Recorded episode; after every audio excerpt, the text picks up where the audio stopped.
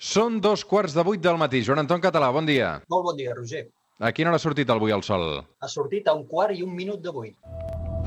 3, 2, 1, seganya! It's one small step for man, one giant leap for mankind. Joan Anton, com ho portes? Doncs, com suposo que com tothom, doncs en resignació, intentant fer coses i estar ocupat i aprofitar el temps. Cuines bé, tu o no?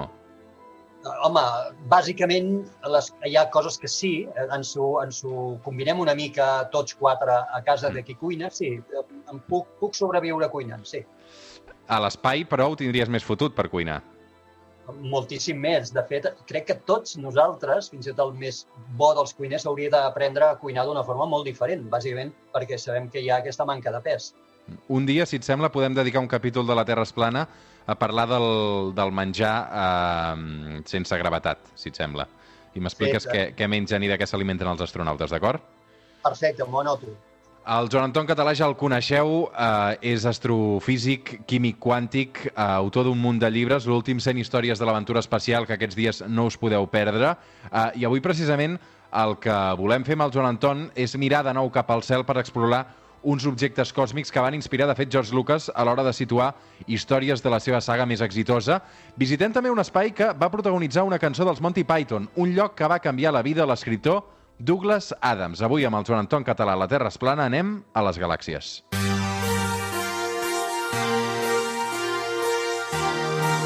Comencem amb les definicions. Joan Anton, què és una galàxia? Sí, fem aquesta primera definició fàcil perquè després ho anirem explicant més. Doncs una galàxia al final és una gran agrupació d'estrelles, recordem que una estrella és un sol, doncs una gran agrupació d'estrelles, gas i altres materials com matèria fosca, que després n'anirem parlant, que tot això queda lligat per la gravetat i forma aquest gran grup que tot orbita al voltant d'un centre de massa comú.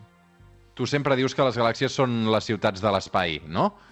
Sí, és la forma més fàcil d'explicar-ho. De fet, moltes vegades quan vaig a les escoles ho explico així i dic, mireu, si un sol, si una estrella fos un edifici, una ciutat, eh, una galàxia seria una ciutat. I crec que és fàcil així d'entendre. Per tant, tornem-hi, una galàxia seria un gran conjunt d'edificis, d'estrelles, que té unes dimensions, que té uns llindars, igual igual que les nostres ciutats. Molt bé. Quan van començar a saber que existien aquestes galàxies, Joan Anton? De fet, la primera d'elles, que és la nostra, és la Via Làctea, els antics ja la veien, el que passa no sabien què era i es va trigar molt de, molt de temps en saber què era. És aquesta taca difosa que veiem al cel, sobretot al cel de, la, de les nits d'estiu o de tardor sense lluna, i eh, ja, d'alguna forma, el nom no, de Via Làctea indicava, del, del grec lactos, no, indicava aquest aspecte lletós del que veien al cel. Galileo, amb el seu recent inventat telescopi, començament del segle XVII, l'observa i veu que en realitat no és una taca i ja està, sinó que està feta per un munt d'estrelles individuals. I en aquell moment arriba a la conclusió de que segurament el, el Sol, el nostre Sol i tot el sistema solar formem part d'una gran agrupació que conté moltíssimes altres estrelles en el cel, a més a més del nostre Sol, i eh, d'aquí prové la idea de que comencem a intuir que allò és la nostra galàxia, és la nostra gran ciutat. Per tant, no sé si van tenir clar des del principi que allò que estaven mirant era una galàxia o, o, o més, en, més tard eh, ho van haver de desbrinar d'alguna manera.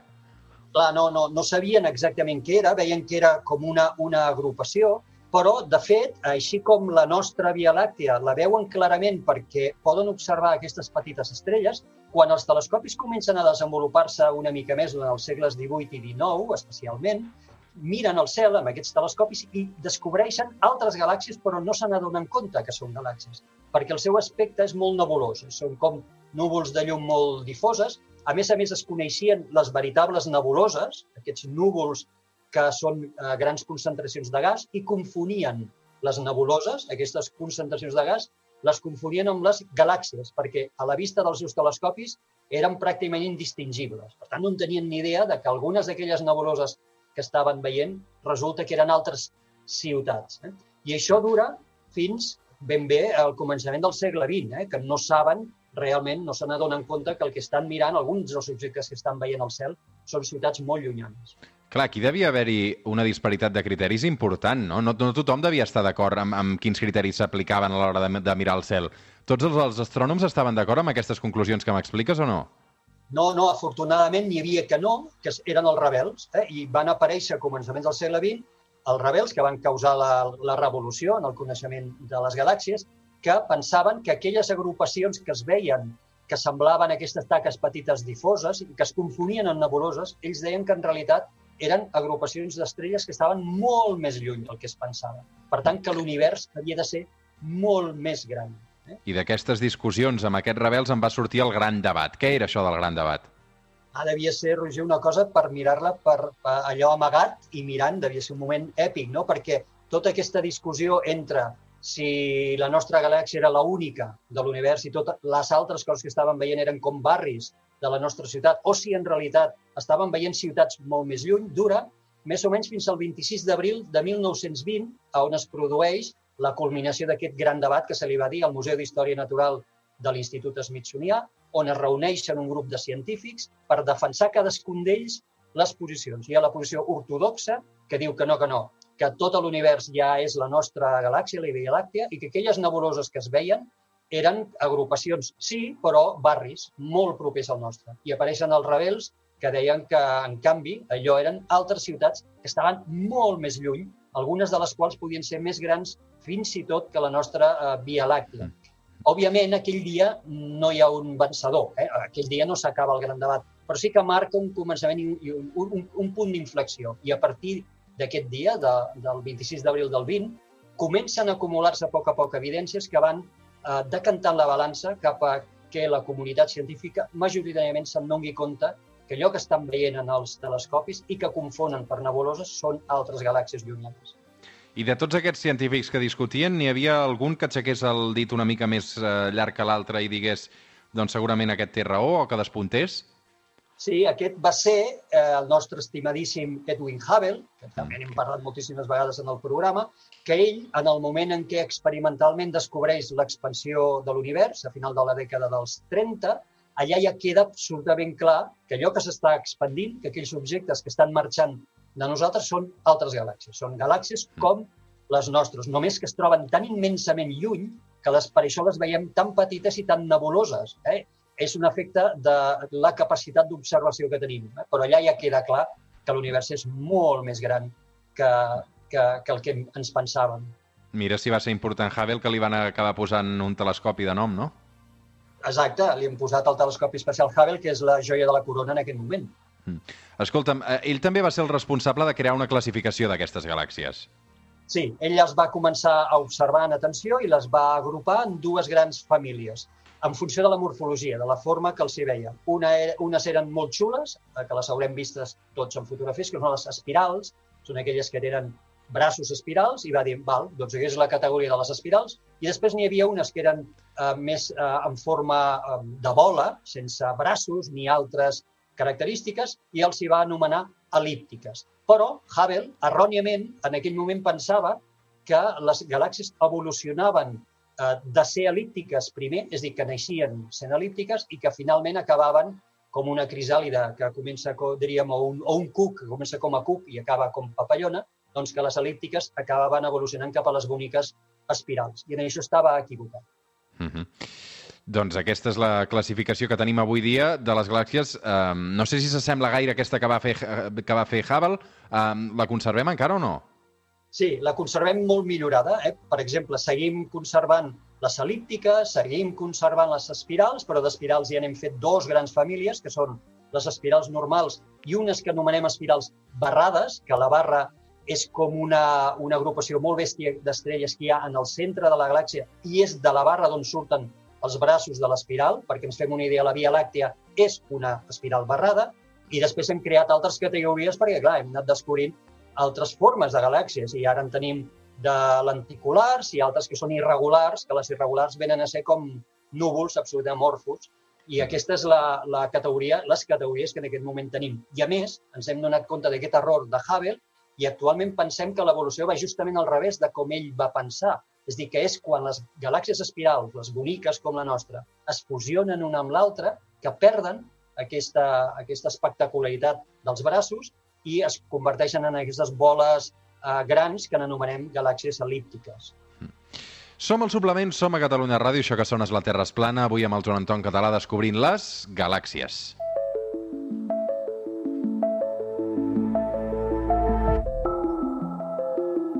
Clar, Joan Anton, les galàxies de què estan fetes exactament? Clar, hem dit eh, d'estrelles, ho hem simplificat dient són ciutats i, per tant, si una estrella fos un edifici, doncs les galàxies estan fetes d'edificis, són ciutats, estan fetes d'estrelles. Però és que, a més a més, estan fetes de moltes altres coses. Per exemple, tenen grans reserves de gas, grans quantitats d'hidrogen i heli, que sabem que són els dos elements bàsics que el Big Bang va crear. I això és el que li serveix a una galàxia, a la gravetat, per seguir fabricant noves estrelles. Igual, si seguim amb la idea de la ciutat, doncs s'estan construint nous edificis constantment. Per construir-se necessitem maons, doncs els maons són les reserves de gas, hidrogen i heli que té una galàxia. Mm. Les supernoves també són importants per entendre aquesta composició de les galàxies? Són fonamentals perquè ara dèiem construïm. No, les, eh, dins de les galàxies es construeixen sols, estrelles, però també moren. I sabem que algunes de les morts són en forma explosiva, que és aquest nom que utilitzem de, de supernova. Per tant, la vida d'una galàxia, al final, és això, és crear eh, noves estrelles, que tot gira al voltant d'un centre de massa comú, però també se'n jubilen. Algunes, com el nostre Sol, que es jubilaran sense supernova, sense explotar, i hi ha altres molt bèsties, molt grans, que acabaran explotant en forma de supernova. Mm. Les galàxies també es moren, Joan Anton? Sí, perquè, clar, si una galàxia va generant noves estrelles a base d'aquestes reserves que té de gas i arriba un moment que se li pot, poden esgotar-se aquestes reserves de gas. I sabem que això és així, sabem que l'univers fa uns quants milers de milions d'anys tenia una activitat formadora d'estrelles molt més gran que l'activitat que avui presenten la major part de les galàxies, que s'estan empobrint. A mesura que les estrelles moren, com que algunes no exploten, sinó que es jubilen, les petites com el nostre Sol no explotaran, sinó que es jubilaran, doncs, al final l'envelliment d'una galàxia es converteix en estrelles jubilades que s'acabaran apagant, forats negres, estrelles de neutrons, però hi ha poques noves estrelles que neixen. Mm -hmm. Què hi ha en aquest centre de les galàxies, Joan Anton? Això és molt interessant perquè en quasi totes les galàxies, almenys a les grans, hem descobert de fa temps que hi ha un forat negre supermassiu. És una bèstia eh, que pesa milions de vegades com el nostre Sol, que està allà amagada, justament justament en el centre de les galàxies. Uh -huh. uh, el forat negre que es troba al centre de la Via Làctia? Sí, aquest l'anomenem Sagitari A Sagitari A. es diu Sagitari A asterisc, i és un forat negre que li hem estimat a la seva massa amb uns 4,6 milions de vegades al Sol. I és dels forats negres supermassius petitons, perquè coneixem galàxies on els seus forats negres de dins pesen brutalment més que això. No, no només uns quants eh, milions de vegades el Sol, sinó milers de milions de vegades el Sol. Sabem d'on surten aquests forats negres, Joan Anton? No, és una de les grans preguntes que té actualment l'astronomia sobre la taula. Hi ha com dues, dues aproximacions. Una seria que aquests forats negres, d'alguna forma que encara no acertem a conèixer, es van crear molt a l'inici de l'univers, a base, a lo millor, de fusió d'altres forats negres més petits, i que van ser les llavors a, a partir de les quals es va concentrar les estrelles, la matèria, i al, al voltant seu es van formar les galàxies. Aquesta seria una aproximació. Però podria ser perfectament al revés. Podria ser que primer fossin les galàxies, abans que aquests forats negres, i que a base de la mort i de, de, de la col·lisió i del xoc de forats negres més petits, dins la galàxia, la mateixa dinàmica de la galàxia portés a que enmig es formés un forat negre. Com veus, encara no tenim la llum sobre aquest tema. Mm. I, I la matèria fosca, que també és un tema inquietant, eh, entenen les galàxies de matèria fosca? Sí, eh, havíem dit al començament que aniríem detallant tot el que tenen, hem vist que tenen moltes coses, doncs també tenen matèria fosca. La matèria fosca, que és aquest tipus de matèria enigmàtica, que sabem que no està feta d'àtoms, però que tampoc avui podem explicar, sabem que en tenen en abundància i les galàxies estan rodejades de quantitats immenses de matèria fosca, que té més massa, per entendre'ns, mm. pesa molt més que tota l'altra matèria que tenen, que totes les estrelles, que tots els eh, planetes. I, de fet, és aquesta matèria fosca que envoltaria les galàxies la que els dona la consistència, la que els dona la forma, la que fa que la gravetat funcioni com funcioni perquè no deixi escapar cap estrella de la galàxia. Mm -hmm.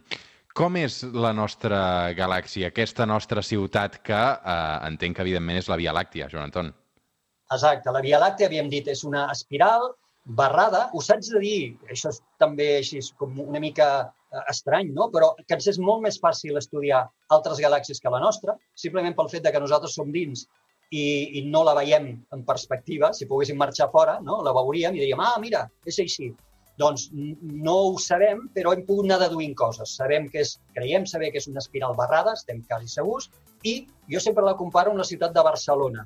Doncs si la ciutat de Barcelona fos la nostra Via Làctea, el forat negre supermassiu estaria a plaça Catalunya, al centre, i nosaltres, el nostre Sol i el sistema solar, ens situaríem en un barri tan tranquil·let que més o menys vindria a ser o a Lesseps o al Poble Nou, és a dir, en aquesta distància més o menys, ja veieu un lloc tranquil·let, on tenim serveis, eh, tenim el metro molt a prop, tenim eh, botigues, però no som al mig, que és un lloc bastant perillós al centre de les galàxies i Molt bé. també hem pogut estimar la quantitat d'estrelles, d'edificis que té, i pensem que en té 400.000 milions d'estrelles, de les quals el Sol només és una d'elles. La galàxia més propera a la Via Làctea eh, crec que és Andròmeda, no? Sí, aquesta és la, la gran galàxia. Què passa? Que la gravetat eh, també fa que les galàxies tinguin tendència a agrupar-se, fixa't-hi, segueixo amb l'exemple de les ciutats, en zones metropolitanes. Les ciutats s'agrupen en zones metropolitanes. Nosaltres formem part d'una zona que li hem anomenat el grup local, format per unes 50 galàxies, que totes elles orbitem al voltant unes de les altres, i d'aquestes 50 n'hi ha dos molt grans, la nostra i Andròmeda. I Andròmeda encara és fins i tot més gran que la nostra Via Làctea, li estimem un bilió d'estrelles.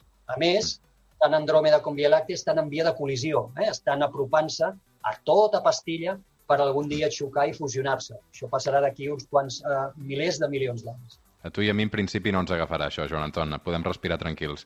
Escolta'm, Sí, si tirem però- enrere en l'espai i ens ho mirem una mica tot des de més lluny, on trobem aquest grup local famós? Clar, eh, jo et anava a dir abans, ja m'agradaria, eh, de totes formes, viure en el moment de la fusió, perquè Sí? perill no hi haurà no. cap. No, és que no n'hi haurà cap ni un, perquè les estrelles, a l'espai és tan buit que la probabilitat de que petin, de que xoquin dues estrelles és pràcticament zero, i en canvi el cel s'omplirà en un espectacle meravellós. Durant aquells milions d'anys, el cel serà meravellós. Però va, anant a la pregunta que tu em feies. El grup local, si ens ho mirem tot, fem un, un zoom cap a fora, veuríem que aquest grup local, zona metropolitana, forma part d'una altra enorme zona de galàxies que n'anomenem el, el supercúmul de, de Virgo, que està composat per unes 50.000 galàxies que totes elles orbitem al voltant del centre de massa comú. Eh? Per, hem anat sortint cap a fora la nostra visió i ara ja tenim una visió on hi ha 50.000 ciutats, totes elles girant, cadascuna d'elles composades per milers de milions d'estrelles. Mm -hmm. Doncs, uh, Joan Anton, m'ha encantat aquest capítol dedicat a les galàxies. Um, si et sembla bé, uh, podem fer un zoom, no? Hi ha una història curiosa amb tot això, no? Sí, sí, jo a vegades també per explicar, si seguíssim fent zoom cap arrere i mirar el nostre univers encara en una escala més gran, podríem, eh, es podria assimilar, perquè ho entenguem, a una esponja. Jo la comparo en una esponja que pràcticament és buida, és completament buida, està formada per espai buit, però les fibres que té per dins l'esponja serien els filaments on s'han anat concentrant per gravetat la poca matèria que hi ha a l'univers per formar les galàxies. I els llocs on les fibres eh, s'uneixen, els nusos, per entendre'ns on surten les fibres, i això serien els grans supercúmuls. Els llocs on s'ha anat concentrant les galàxies, han anat caient cap a aquells punts per la gravetat i allà s'han format aquestes enormes agrupacions de desenes o centenars de milers de galàxies. Però que, en veritat, mirat així, l'univers és buit. Mm -hmm. Va, Joan Anton, fem una última ullada cap al cel.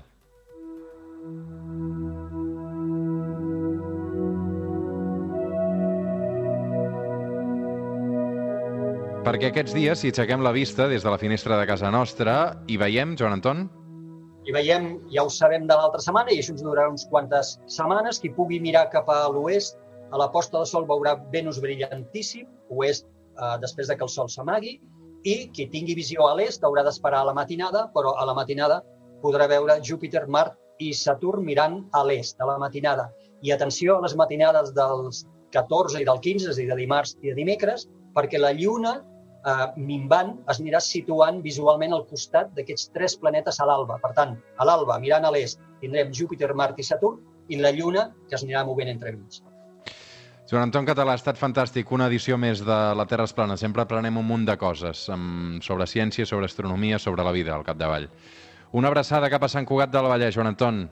Igualment cap a Sabadell, Tant de bo molt aviat ens puguem retrobar en un estudi de ràdio. Seria fantàstic. això mateix.